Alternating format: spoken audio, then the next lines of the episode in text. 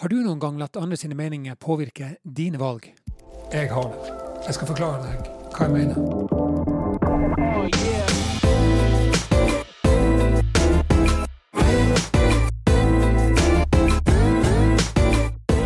Sist gang så snakka jeg om kompetanse. Det var den podkasten der jeg snakka om TALK-prinsippet, altså TALK.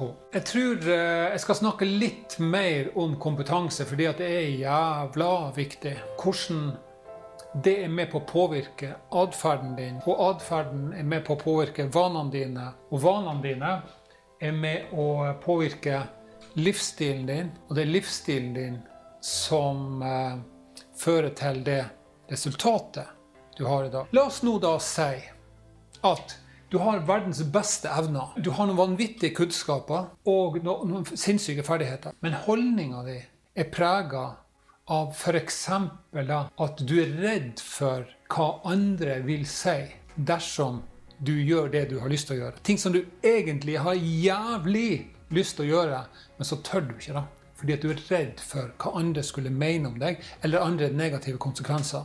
Så du har talenter, du har evner, du har kunnskapen om det som du har lyst til å gjøre. Du har altså ferdighetene, men du velger å la være å bruke det fordi at du er redd for konsekvensene, eller hva andre måtte mene om deg.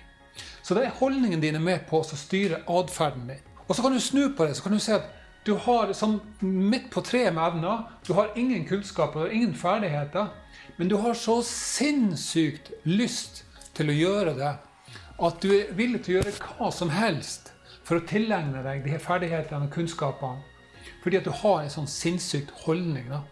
Du har så vanvittig lyst til å lære de tingene da, som skal til for at du blir kompetent, og som får deg til å utføre den atferden som gir deg vaner og livsstil, og til slutt da det resultatet som du ønsker. Det handler om følelser.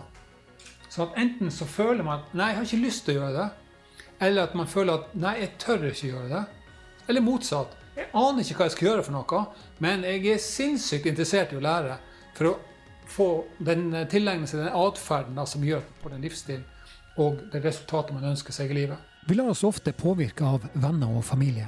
Og så hører man på dem, da. Og så velger man det trygge foran det utrygge.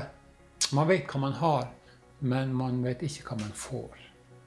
Og det er lett å la være å gjøre det man kanskje da har lyst til å gjøre. Så den holdningsbiten, det, det tror jeg er nøkkelen til jævla mye.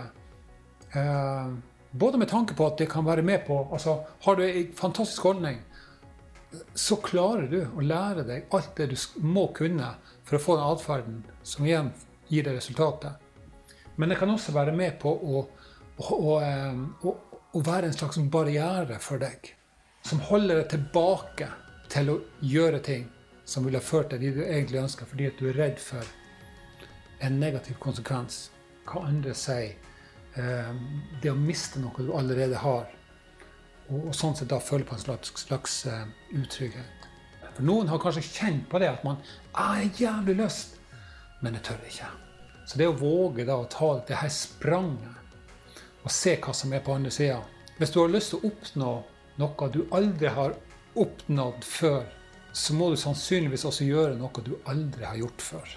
Da må du ut forbi denne eh, fordømte komfortsona for å kunne finne ut da om uh, det svarer til forventningen.